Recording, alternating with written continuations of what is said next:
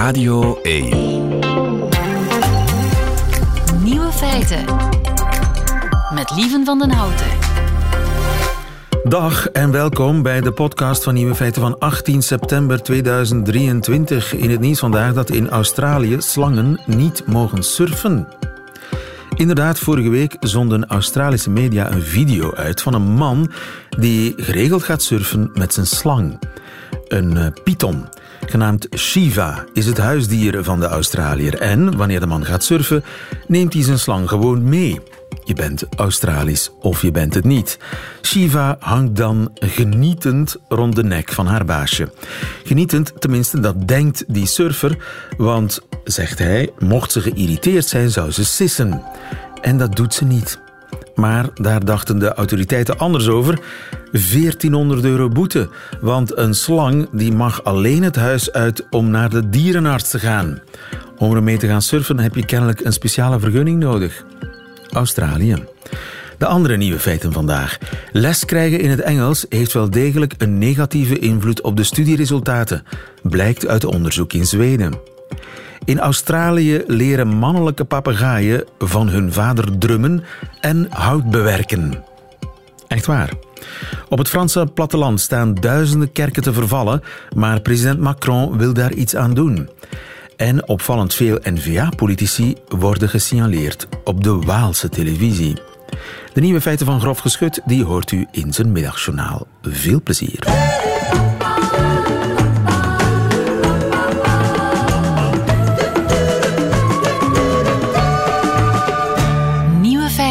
In Frankrijk staan vele duizenden kerken op instorten. En daar wil de president iets aan doen. Jolien de Bouw, goedemiddag.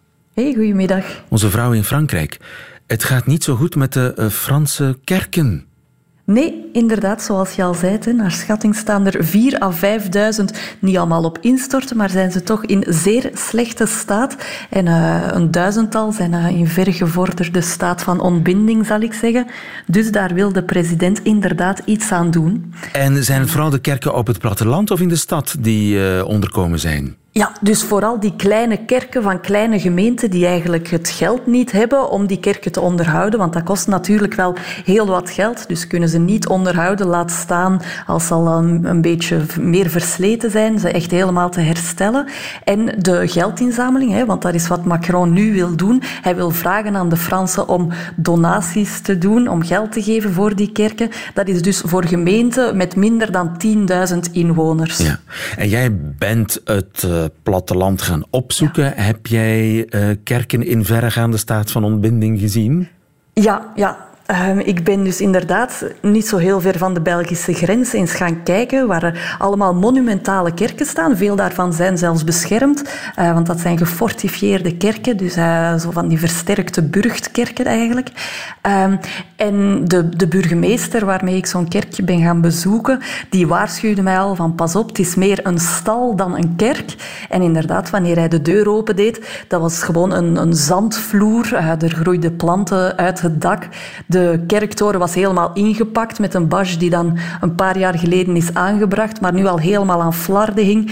De klok luidt niet meer, want uh, dan is er gevaar dat de toren zou instorten. Um, al het hout in die kerk hebben ze moeten verbranden, omdat die vol schimmels zat. Dus uh, dat was inderdaad wel dramatisch. En dat is maar één dus van die zoveel honderden kerken. Ja, en dat komt nog eens bovenop de ja, de, de leegloop die er sowieso ja. aan de gang is op het Franse platteland. Je hebt bijna ja. geen artsen meer, winkels, restaurants. En, en als er dan nog zo'n kapotte kerk in het ja. centrum, het hart van je dorp staat, dat, dat is natuurlijk eh, niet echt aantrekkelijk voor nieuwe mensen, laat staan voor toeristen, om je dorp te komen bezoeken. En daarom ook vragen die burgemeesters van, alsjeblieft, laat ons ons erfgoed toch opknappen. Um, en, en de zo president... niet? Wat, wat gebeurt ja. er zo niet? Wel, er, er, zijn kerken die al worden afgebroken. In de Vendée is er deze zomer nog een, een mooie kerk met de grond gelijk gemaakt, omdat de gemeente het gewoon niet kon betalen. Dat zijn gemeenten van een paar honderd zielen, dus uh, die, die hebben helemaal niet zoveel geld. Um, dus er zijn er die afgebroken worden, maar er zijn er ook die verkocht worden. Dat is niet altijd gemakkelijk natuurlijk. Je kan die voor een prikje kopen, maar ja, dan moet je er nog eens een, een miljoen uh, minstens ja. tegenaan smijten om er iets mee te kunnen doen. Ongeveer? Wel, uh, als je geluk hebt, kan je voor 100.000 euro zo'n mooie kerk ergens hmm. kopen. Uh, ja, ik heb er een gezien op een eilandje in de Loire, uh, ja, in een heel mooie omgeving. dat was 130.000 euro. maar bon, ja, rekent daar nog maar gemakkelijk een veelvoud veel om te renoveren. Zeker. Ja. Nu, bij ons, ik hoor je zeggen, de gemeente kan dat niet betalen. Mm ja. Bij ons zijn het toch meer ja, is het meer de, de Rijksoverheid of zo? Uh, want die kerken zijn zo goed als allemaal beschermd. En dan kun je een dossier indienen. En dan mhm. wordt dat gewoon gerestaureerd op kosten van ja, de overheid. Ja, dus tijdens de Franse revolutie, eventjes een beetje geschiedenis van de kerken in, in Frankrijk. Tijdens de Franse revolutie zijn die kerken genationaliseerd. En dan in 1905 is er wet gekomen over de scheiding tussen kerk en staat. En sindsdien zijn die, eigendom, die kerken eigendom geworden van de gemeente waar ze staan. En, dat is de, de laïcité die ja, uh, ervoor zorgt dat die kerken eigendom zijn van de gemeente. En die is verantwoordelijk voor het onderhoud. Klopt, dus die gemeente, zij moeten die dan wel uh, laten gebruiken door de kerkgemeenschap, maar zij staan in voor het onderhoud. En uh, zoals al gezegd, zij kunnen dat absoluut niet betalen. Zij krijgen wel subsidies van links en van rechts en dat is een heel administratief kluwen waar die gemeenten zelf vaak ook niet aan uit kunnen, omdat ze daar ook het, personeel niet voor hebben om, om zich daarmee bezig te houden. Um, en, maar die subsidies volstaan niet en meestal moeten zij nog een 10% ongeveer van het totale bedrag uh, zelf gaan bekostigen. Maar ja, die kerk die ik bezocht heb, dat, dat is dus een dorp van uh, goed 100 inwoners. Uh, die werken werden geschat op 1 miljoen en half ongeveer. dus daar 10% van is voor zo'n kleine gemeente natuurlijk ongelooflijk duur. Ja, ja. En die gemeenten, dat zijn nog allemaal kleine zelfstandige gemeenten in Frankrijk. Nee, die zitten ook wel in communauté de communes, dus die werken samen, die, die ondersteunen dan vooral administratief wel die, die aanvragen om die renovaties allemaal te doen. En die betalen ook vaak uh, het, het vooronderzoek en dat er eens een architect komt kijken en een heel renovatieplan opstelt. Dat wordt dan vaak wel door die grotere groepering um, betaald, maar uiteindelijk de, de, de restauratie moet vanuit de, de gemeentekas komen. Ja, en die gebeurt dus uh, in de praktijk praktijk heel vaak niet, die restauratie. En nu is er eh, het plan Macron. Wat is het plan Macron? Wel, hij gaat dus vragen aan de Fransen stort geld. En uh, privé. mensen die... Ja, privé. Dus gewoon jij en ik, uh, wij kunnen geld storten om de kerkjes te redden. Het gaat niet alleen over kerkjes trouwens. Hè. Ook moskeeën of uh, andere gebedshuizen kunnen daar beroep op doen. Ehm, en dan kan je dat voor 75% aftrekken van de belastingen. Dat was ook al zo uh, geregeld toen de Notre Dame is afgebrand. Ja, klopt. Dus uiteindelijk gaat de overheid daar nog veel van betalen. Dus hij hoopt zo 200.000, uh, 200 miljoen bij, bijeen te krijgen. Maar uh, ja, als je dan even rekent dat er zo 4.000 à 5.000 kerken werken nodig hebben, die allemaal toch sterk boven het miljoen gaan, dan, uh, dan zou het wel kunnen dat dat er lang niet genoeg is. En dat is wat ook de burgemeesters die ik gesproken heb in hun kerkjes wel vrezen. Van, dat is een druppel op een hete plaat. We hebben eigenlijk veel meer nodig. Maar met deze actie wil Macron natuurlijk er ook een beetje aandacht aan schenken. Hij is wel enorm bezig met het Franse erfgoed. En daar heeft hij al verschillende operaties, zoals een grote lotto met kraslotjes, uh, om het erfgoed te redden, uh, opge opgesteld. En hij is daar wel mee bezig. Maar of alle kerkjes gered gaan kunnen worden, dat is nog maar de vraag. Jolien de Bouw, dankjewel. Goedemiddag. Graag gedaan. Nieuwe feiten. Coucou de Namur met Christophe de Borsu. Ah, we loeren over het muurtje bij de buren bij uh, Franstalig België. We gaan naar Namen bij Christophe de Borsu. Goedemiddag, Christophe. Ja, dag lieven. Koekoe uit Namen, de hoofdstad van Wallonië. En wow. prettige Waalse feesten. Ja, lieven. Wat je hoort is het vuurwerk van dit weekend. Het is vandaag de laatste dag van de 100ste editie van de Fête de Wallonie. Hier in Namen, uiteraard. 200 à 300.000 mensen vieren mee sinds vrijdag. Je kunt uiteraard tot vanavond komen, lieven. Oh, ik zal er zeker bij zijn. Op naar Namen.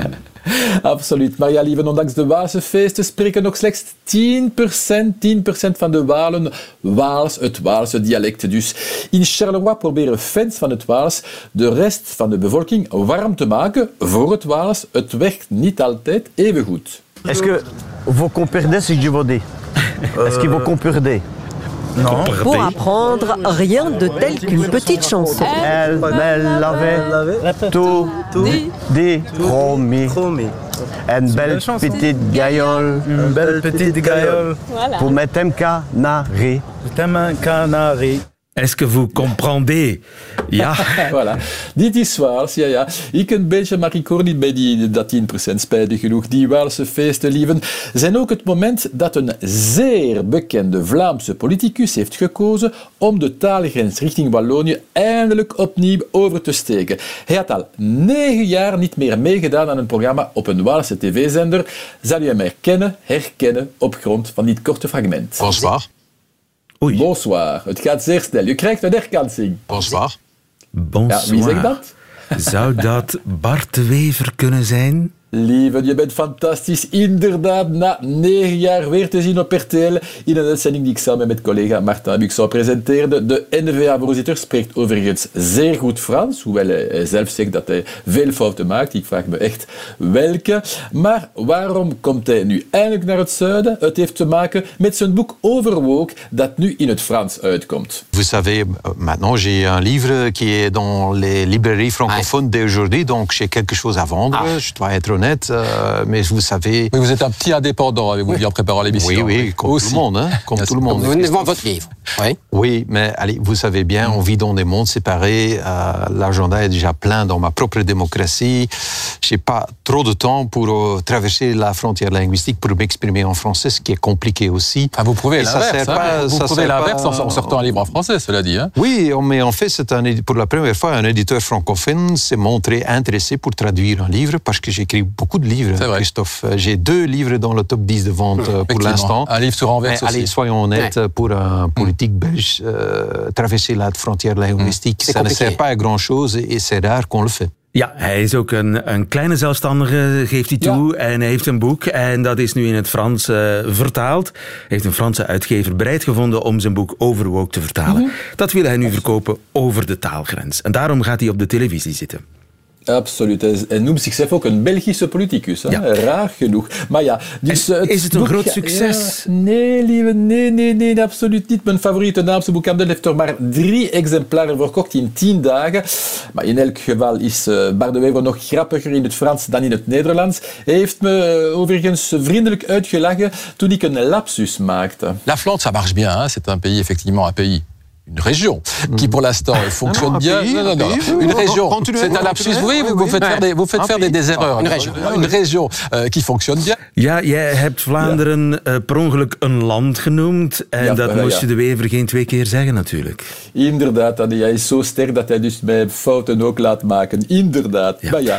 En is hij de enige NVA'er die vaak in Wallonië te zien is op de televisie? Ja, nee, nee, nee, lieve. In feite is de N-VA alomtegenwoordig in de Waalse media voor het moment. Niet dat we het Vlaams nationalisme plots eh, beleiden, maar het is natuurlijk interessant om te horen wat de eerste Vlaamse partij te zeggen heeft. Zo kwam Vlaams minister van Onderwijs Ben Wijts debatteren met zijn Franstalige collega Caroline Desir van de PS. Het thema, de kortere zomervakantie in Franstalig België, in ruil voor meer vakantie op Allerheilige en Crocus, twee weken in plaats van één.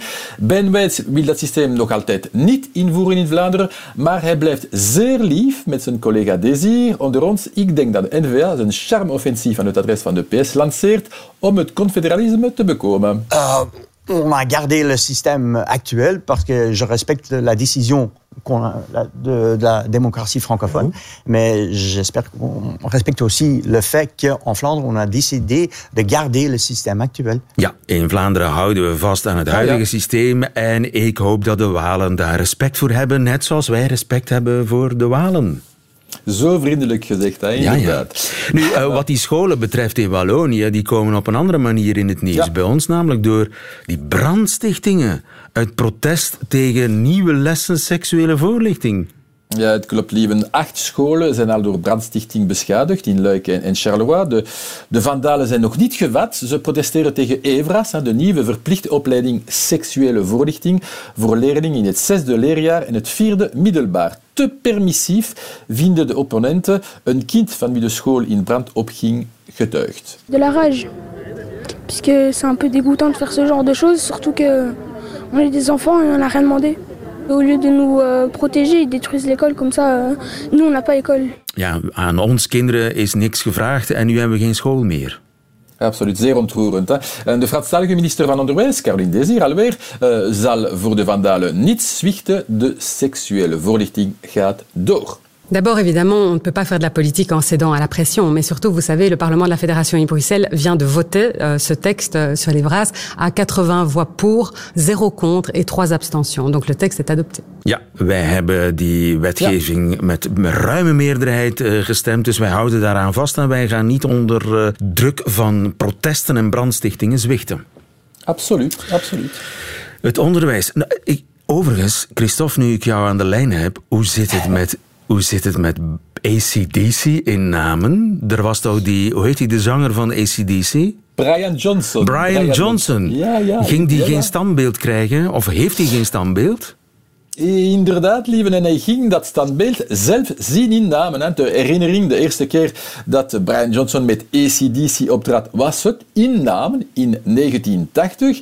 Daarom hebben naamse fans een standbeeld van hem gemaakt. Brian Johnson is een paar weken geleden eindelijk gekomen. Hij vond het standbeeld magnifiek. Het is te zien voor de oorspronkelijke concertzaal, die nu Namur Expo heet, hè, zeer gemakkelijk te vinden, Namur Expo. Het plein voor Namur Expo heet uh, overigens nu Esplanade ACDC.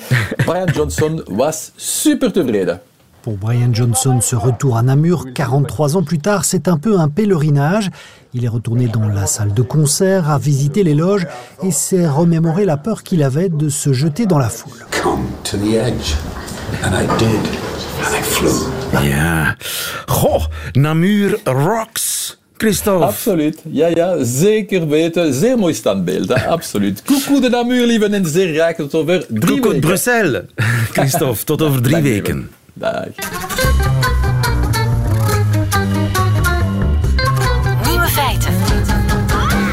Meer en meer proffen aan de universiteit die geven les in het Engels. En daar is uh, uiteraard veel discussie over. Veel voorstanders, tegenstanders die elkaar in de haren zitten. En nu hebben de tegenstanders van dat Engels aan de UNIF een nieuw argument.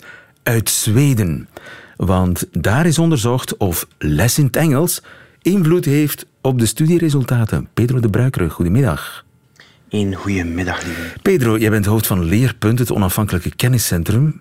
Uh, van, over het onderwijs, kenniscentrum van het onderwijs. Uh, les in het Engels, komt dat in Vlaanderen? Het is lang geleden dat ik aan de UNIF zat. Uh, komt dat vaak voor?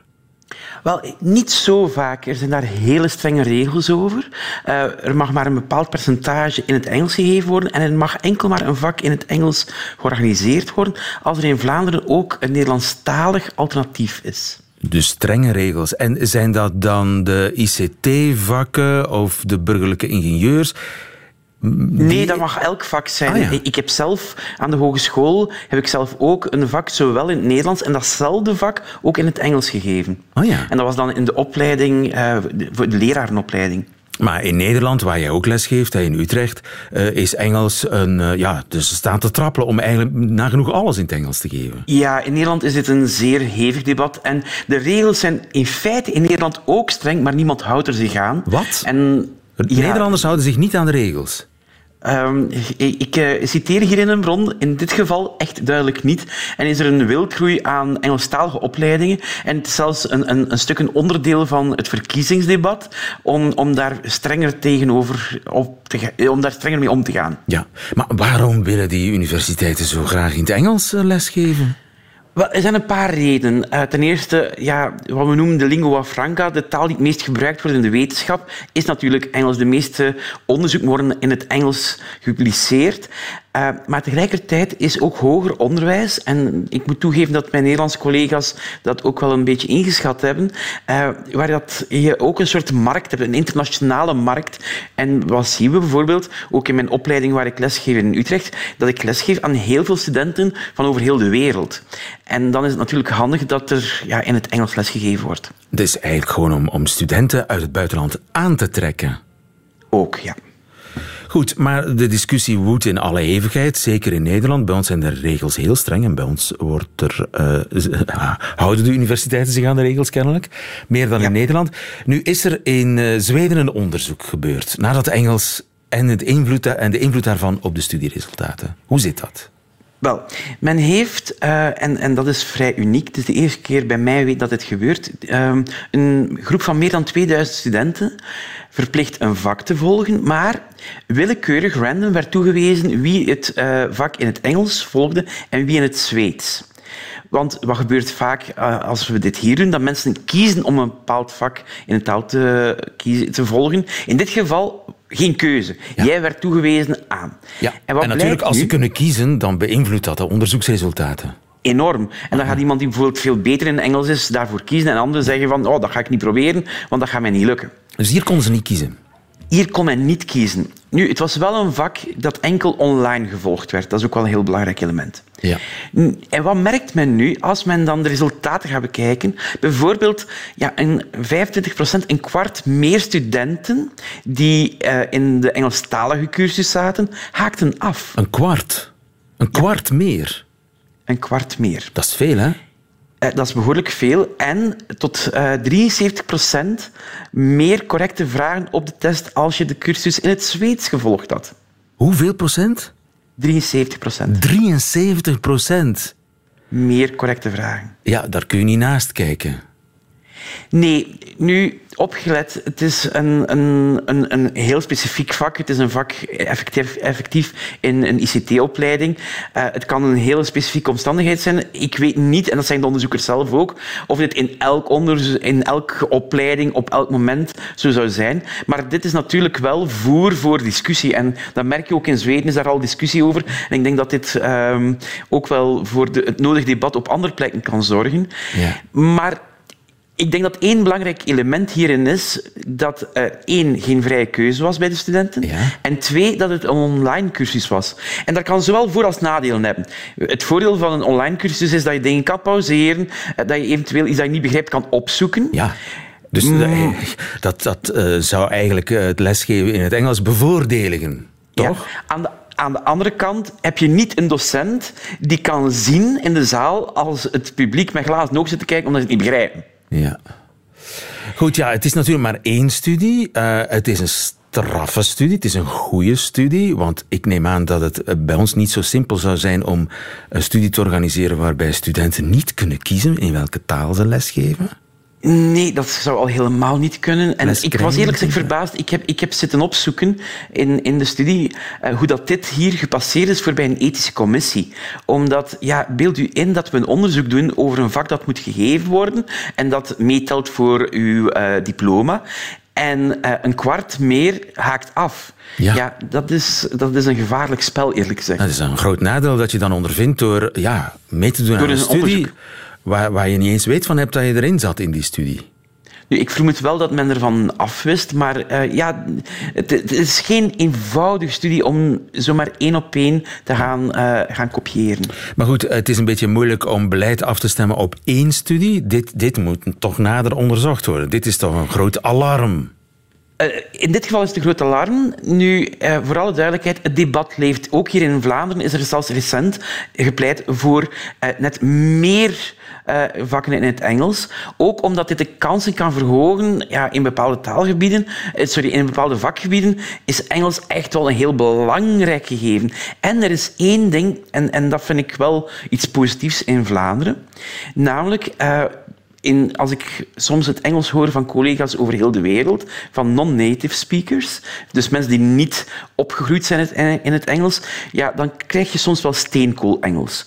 Maar hier in Vlaanderen is het heel belangrijk. Wij moeten in het hoger onderwijs effectief een hoog niveau van Engels halen en aantonen vooraleer we mogen lesgeven in het Engels in het hoger onderwijs. In Nederland niet. Je mag gewoon in het Engels lesgeven zonder, zonder diploma Engels, zonder een test.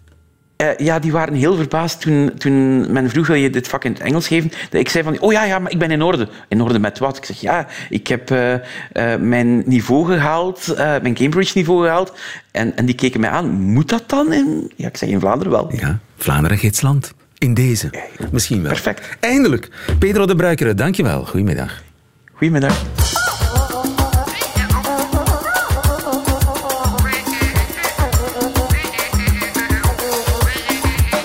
Feiten. Radio 1. Weet u wat dit is?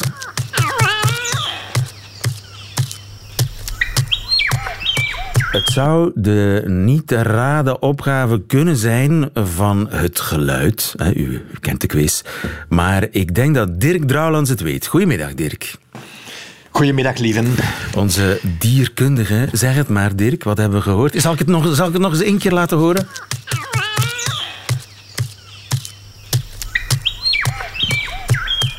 Vertel, wat is dit? Ja, ik heb natuurlijk voorkennis, want anders zou ik het waarschijnlijk ook niet weten. Ik had wel direct de context van het regenwoud mee, hè, dus een woud, woudgeluiden, maar het, uh, het uh, gedrum eigenlijk, want daar gaat het over, dat is de palmkakatoe. Een hele grote kakatoe die een halve meter groot kan worden uit, uh, uit Noord-Australië. En men heeft daarvan ontdekt dat dat dier dat die dus drumt om op te vallen. Oké. Okay. Het is een zwarte papegaai, hè? Overigens, een mooi ja, ja, dier. Het is, dus Prachtig het is echt dier. een hele mooie donkergrijze met rode wangen. Het is een fantastisch, uh, fantastisch dier om te zien. En waarom en de... drumt hij? Wel ja, het is, uh, het is een bizar verhaal, want het, uh, hij drumt. Hij drumt op bomen met takken die hij speciaal maakt om op die bomen te kunnen drummen. Maar het speciale aan de ontdekking dat men gedaan heeft, is dat één, die individuele papegaaien, dus al die mannetjes, want het zijn het uitsluitend de mannetjes die het doen, die drummen allemaal op hun eigen ritme. En bovendien maken die hun eigen drumstokken naar eigen smaak. Dus bij de ene zijn die 20 centimeter lang, bij de ander zijn die 12 centimeter, maar een beetje dikker. Dus die drummen niet alleen op een eigen ritme, maar ook met een eigen klank, omdat ze hun eigen drumstokken maken. En dat is constant. Dus die blijven in hun leven altijd hetzelfde type oh ja. maken om te kunnen drummen. Dus hij heeft een eigen stijl, zeg maar.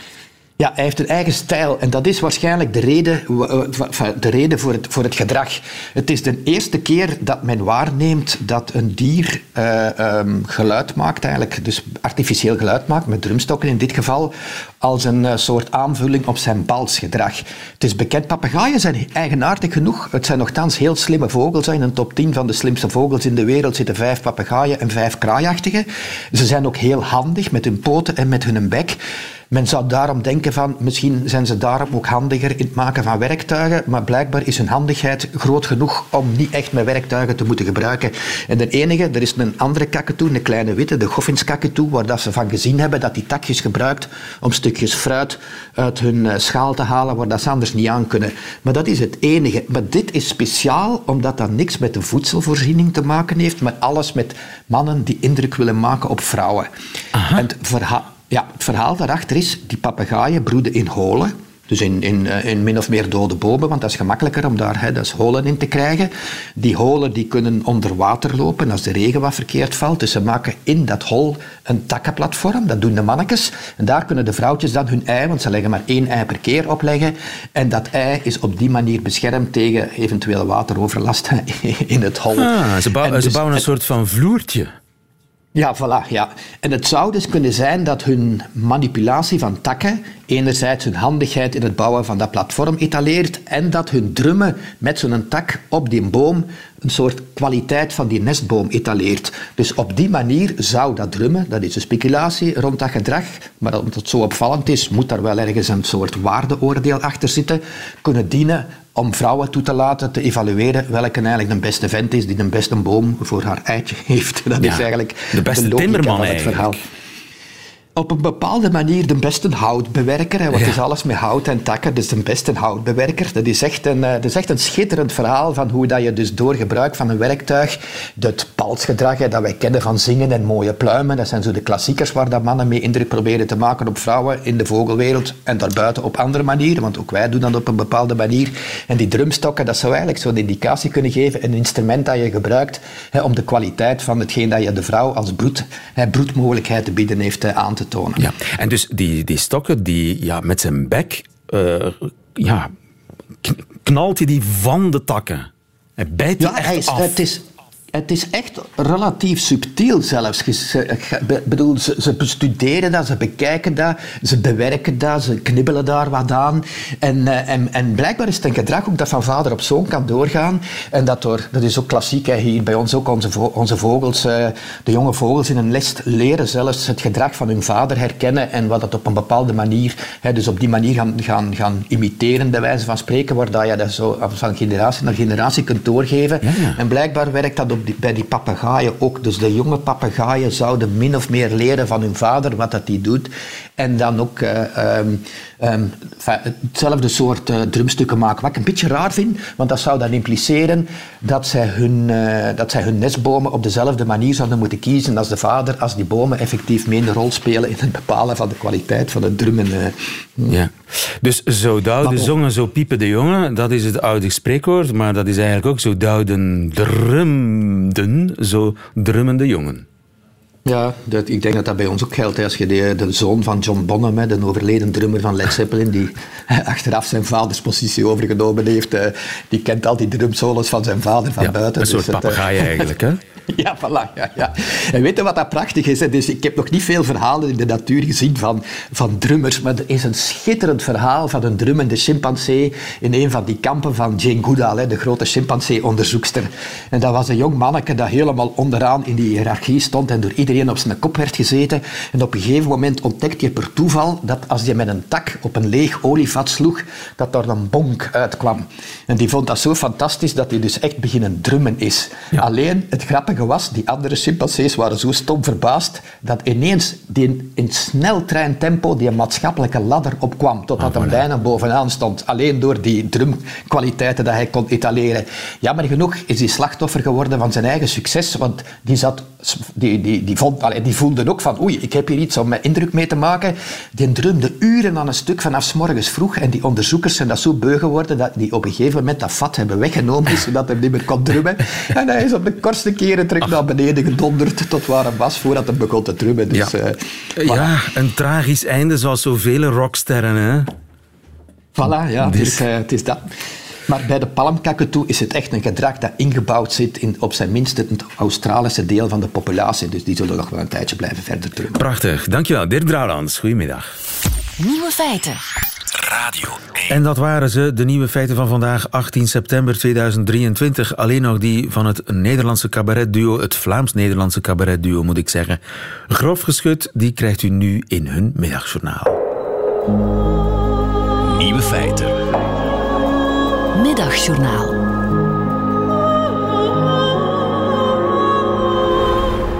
Beste luisteraar. Sinds kort kom ik, wanneer ik met mijn velofietsje door Antwerpen rij, overal van die enorme posters tegen van de stad. Bedankt Bushra van kinderopvang Boeliboe voor je harde werk. Succes, Arvid, van kinderdagverblijf Woefke met je eerste werkdag. Merci Hilde van kinderopvang Ukkie Pukkie voor je stralende lach. En ik dacht eerst heel even, dat is om die belachelijke kinderdagverblijfnamen eindelijk eens onder de aandacht te brengen. Maar nee, het is natuurlijk onze burgervader zijn manier om te zeggen: hé, hey, we gaan geen extra geld voor kinderopvang voorzien, maar we zien jullie wel. En afgelopen zaterdag kwam onze Vlaams minister van Welzijn Krevits voor het eerst met een concreet plan om de druk in de kinderopvang draaglijker te maken. Binnen de drie jaar moet het maximaal aantal baby's per begeleider dalen naar vijf en bij oudere kinderen naar acht. Wat ik nog steeds heel veel vind. Mij lijkt voor één peuterzorgen al een uitputtingsslag. En zeker als het een kleine Arthur is. Ja, vanochtend zaten wij op het balkon van Mirte, genietend van de ochtendzon, fris sapje erbij, met uitzicht op de tuin van kinderdagverblijf De Bolle Biggetjes, waar kinderbegeleidster Sandra in haar eentje negen kindjes probeerde content te houden. En vooral kleine Arthur is dagelijks een nagel aan haar doodskist. Arthur steelt alle speentjes en hij duwt Mohamed elk uur minstens een keer of vier in de buxushaag.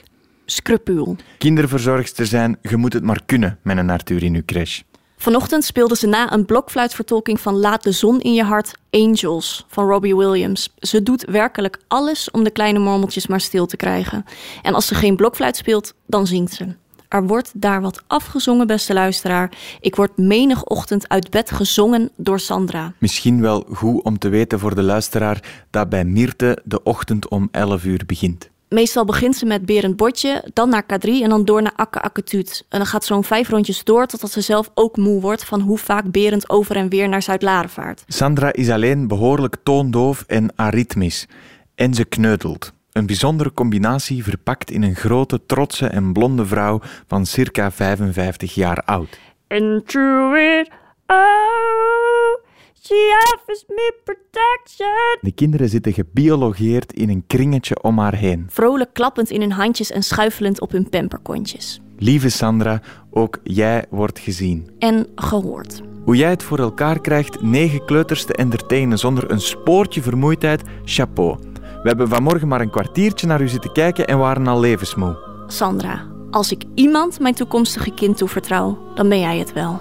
Misschien een beetje dimmen met die blokfluitsolo's van je, maar verder hopen we dat Krivits haar plan een eerste stap is om jouw leven wat aangenamer te maken. En in de tussentijd hang ik een spandoek voor jou op aan mijn balkon. Bedankt Sandra van Kinderdagverblijf De Bolle Biggetjes voor je atonale Wiltura covers. En je aritmische gekneudel elke vroege, vroege, vroege ochtend. Tot morgen.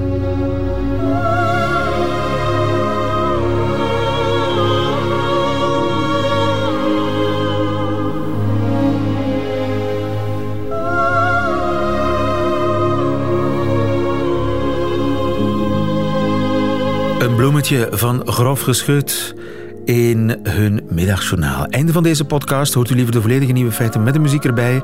Dat kan natuurlijk elke werkdag live tussen 12 en 1 op Radio 1 of on demand via de Radio 1 app of website. Tot een volgende keer.